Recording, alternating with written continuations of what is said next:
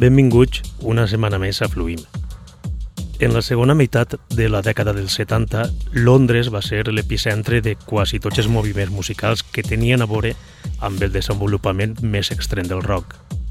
The Psychedelic Furs va ser una d'aquestes bandes que sorgiren a esta resposta musical.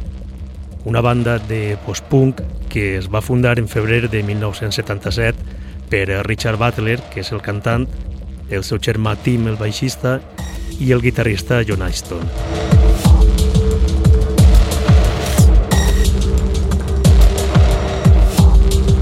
La música del Psychedelic Furs va passar per diverses fases, des del rock fàcil fins al new wave. No obstant, són un referent del moviment post-punk i, a més, van inspirar altres bandes en els seus inicis, com van ser els Sisters Mercy. Andrew Elrich, el vocalista dels Sisters, va seguir per diverses ciutats al Psychedelic Furs. Era la seva banda favorita i els Sisters havien aconseguit gravar una maqueta amb tota la banda ja formada. I finalment, després d'una audició, Elrich va aconseguir entregar-li la cinta a Duncan Kilburn, membre també del Psychedelic Furs.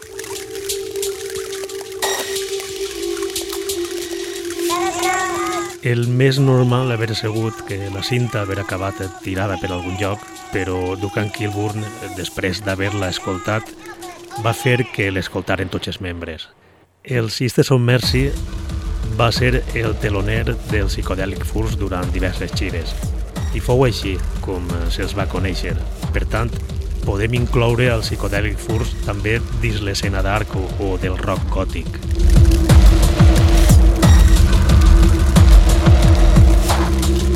The Psychedelic Furs continuen encara en actiu i al llarg d'estos 45 anys d'història han llançat grans àlbums i grans temes. El que anem a escoltar és President Gas, el primer tall de Forever Now, àlbum publicat en 1982.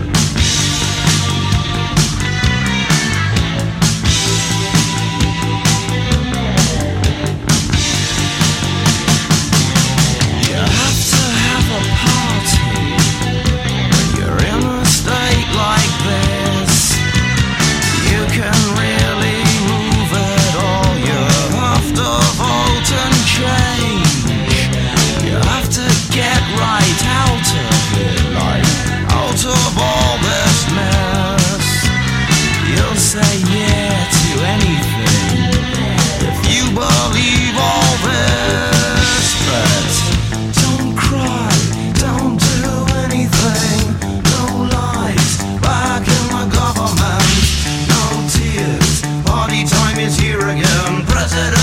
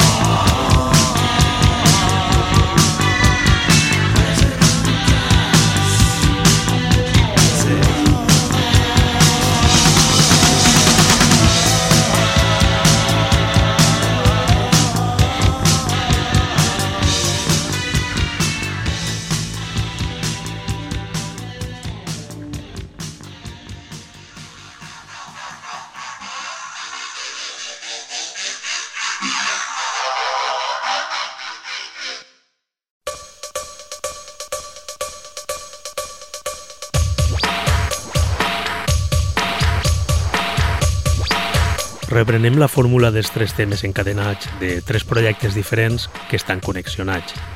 En este cas es tracta de tres projectes del francès Philippe Fichot. El més cèlebre dels tres és Deform, nom que va adoptar en 1977 per a publicar els seus treballs, que en els primers anys ja estaven orientats cap a un so electrònic i experimental. Paral·lelament a la creació de Deform, Philip va crear també el seu propi setxell Vain Total, on publicaria la major part dels llançaments que firmaria amb els diferents àlies que ha tingut al llarg de la seva carrera, que van ser prou, com per exemple Krillon Hearts, Mental Code, Camera Obscura, Eva Johanna Reistag, Hard o Fine Automatic. No obstant, Deform sempre va ser el seu projecte principal, amb el que va publicar més llançaments i amb el que més el coneix. Dir també que en 1986 s'uneix Elian P als projectes de Philly Fichot. Durant els primers anys, Ford va publicar una sèrie de llançaments experimentals amb casset i el 1982 firmà Deepop, el seu primer àlbum en vinil. El so i l'estil de Deform estava orientat cap a una electrònica esotèrica que barrejava temes com la mort, l'erotisme o altres temes tabús. D'este àlbum anem a escoltar Inati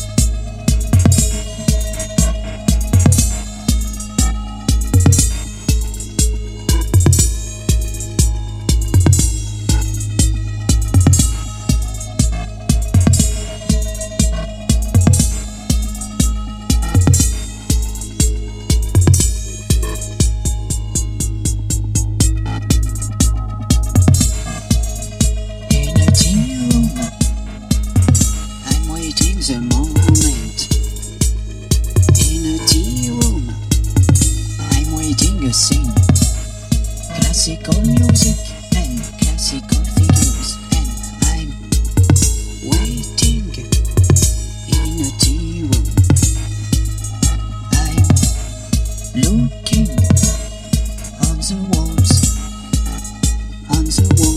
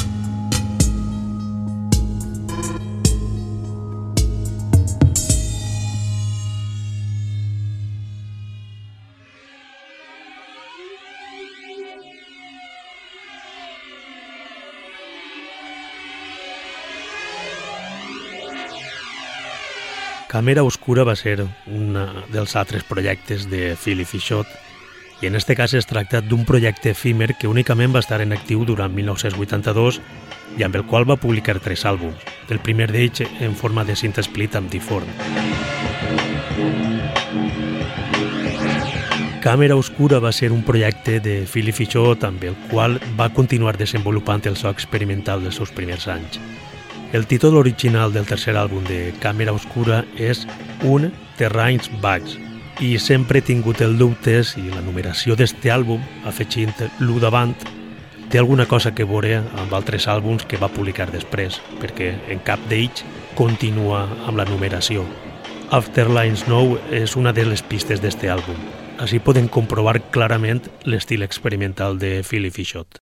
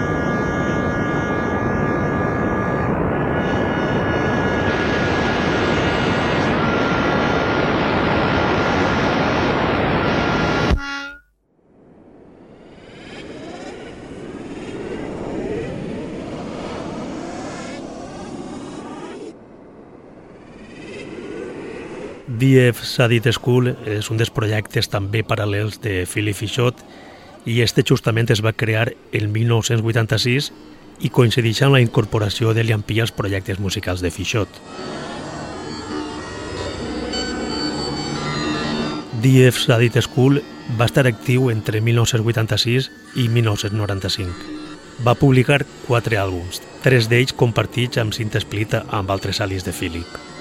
Les 120 jornes de Sodom va ser l'únic àlbum que publicà en solitari amb DF Sadit School, llançat pel setxell de Frankfurt de Laiki Costis, qui va tindre molta vore per a regenerar l'escena musical d'esta ciutat alemanya. La Fem Sastet és una de les pistes d'este àlbum.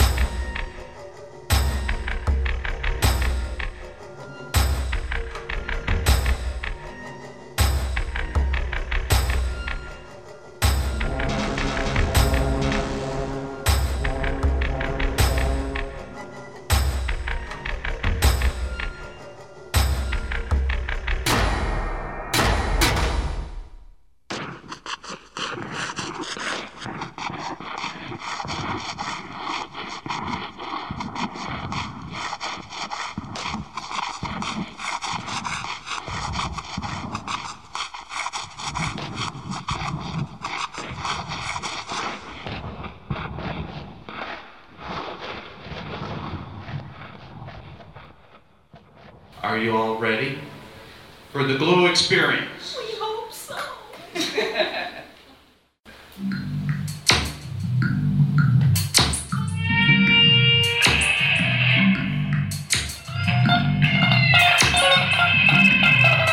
Hi ha estils musicals que han estat basats en ideals i principis polítics, com és el cas del neofolk.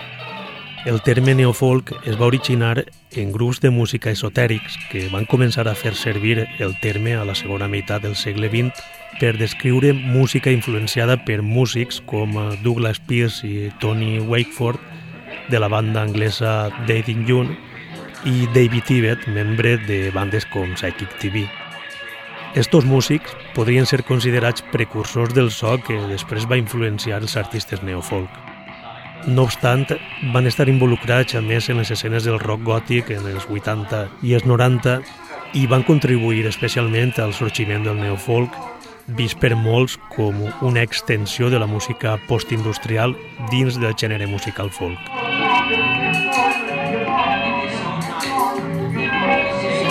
L'esperit del neofolk conté alguns paral·lelismes amb els ideals dels moviments americans i britànics del folk dels 60. La base d'esta música està construïda sobre uns principis contra el comercialisme i la cultura popular. Molts dels músics utilitzen obertament iconografia i retòrica relacionada amb el nazifeixisme, exaltant valors com l'heroisme i la força física o espiritual. Això ha donat lloc a fortes crítiques sense suport sobre el neofolk, la que sovint és qualificada com a música neonazi. Aquestes crítiques van tenir el seu moment més àlgid amb la prohibició en 1990 del disc Brown Book de Death in June en Alemanya. Des d'aleshores, les xires d'aquesta banda, com d'altres vinculades al gènere, solen ser boicotejades per manifestants d'esquerra al llarg del món. Tot i això, és una dada empírica que el gruix dels skinheads que formen els moviments neonazis europeus no combrega amb aquest tipus de sons. Per contra, el tipus de jove que més s'acosta al concert neofolk semblen ser joves de classe mitjana que fan servir uniformes militars i senten atracció cap al col·leccionisme d'objectes militars. El feixisme, encara que és una manifestació política extrema i contrària a moviments com el punk i el post-punk, ha sigut utilitzat per alguns artistes d'estos moviments musicals com una provocació i una forma de cridar l'atenció cap al públic. Death in June va jugar amb aquesta temàtica però en cap moment va recolzar aquesta ideologia, sinó que ressaltava la valentia dels soldats en la Segona Guerra Mundial – el que m'agradaria conèixer és si el nom de Death in June fa alguna referència a la guerra. Burial va ser el segon àlbum de Death in June. Es va publicar en 1984. Escoltem Black Radio.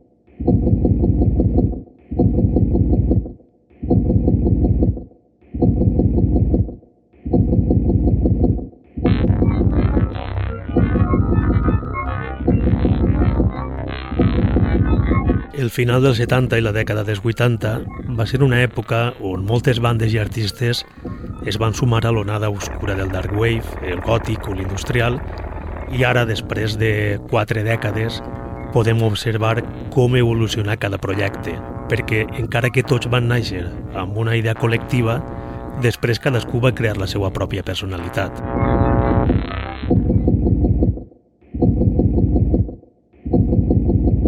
Psyche és una banda formada principalment pels germans Darren i Stephen en 1982 a Canadà. En un primer moment van saber combinar l'horror i l'electrònica mostrant un caràcter tenebrós. No obstant, l'evolució oscura del Dark Wave es va aproximar anys després a un so synth-pop eh, prou més càlid. Així tot, continuen sent a dia d'avui un projecte molt respectable dins d'esta escena obscura. En 2016, Saike va publicar Insomnia Theatre, un àlbum que conté temes que estaven previstos publicar-se en casset en els seus primers anys en actiu i que mai van arribar a eixir a la llum. Splitter Nerves és un d'estos temes.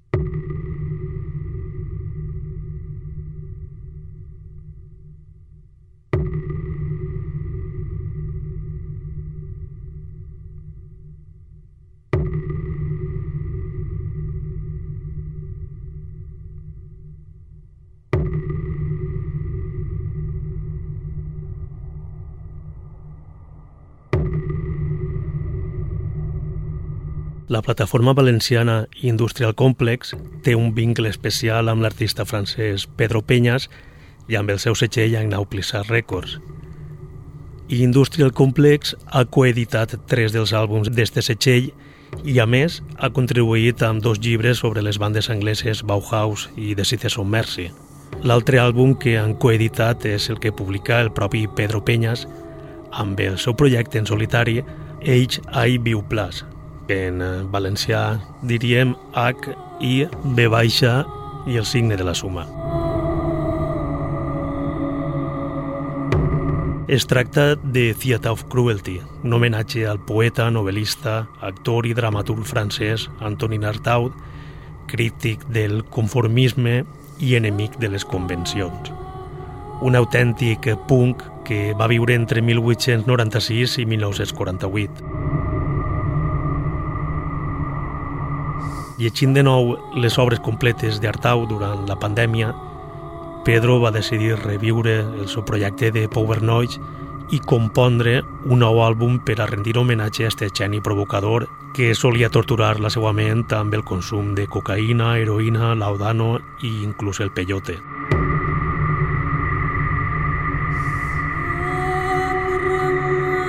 En este àlbum han col·laborat diversos artistes que han significat molt per a Pedro i que també han adorat el personatge d'Antonin Artaud, com Marc Hurtado, membre del grup de cult Etandons, Marc Caro, director i realitzador de pel·lícules com Delicatessen o Alien Resurrection, la guitarrista Alice Boté, Phil Bourne, membre de Bon Magnet, Emmanuel Hubaut de Tetins Noids, i Barcosina de Years of Daniel.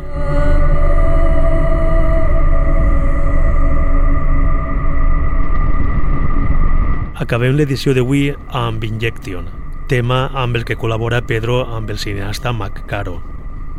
Vos espere la pròxima setmana en una nova edició de Fluim. Salutacions de Ximo Noguera des del Cira Ràdio i per a la xarxa d'emissores municipals valencianes. ne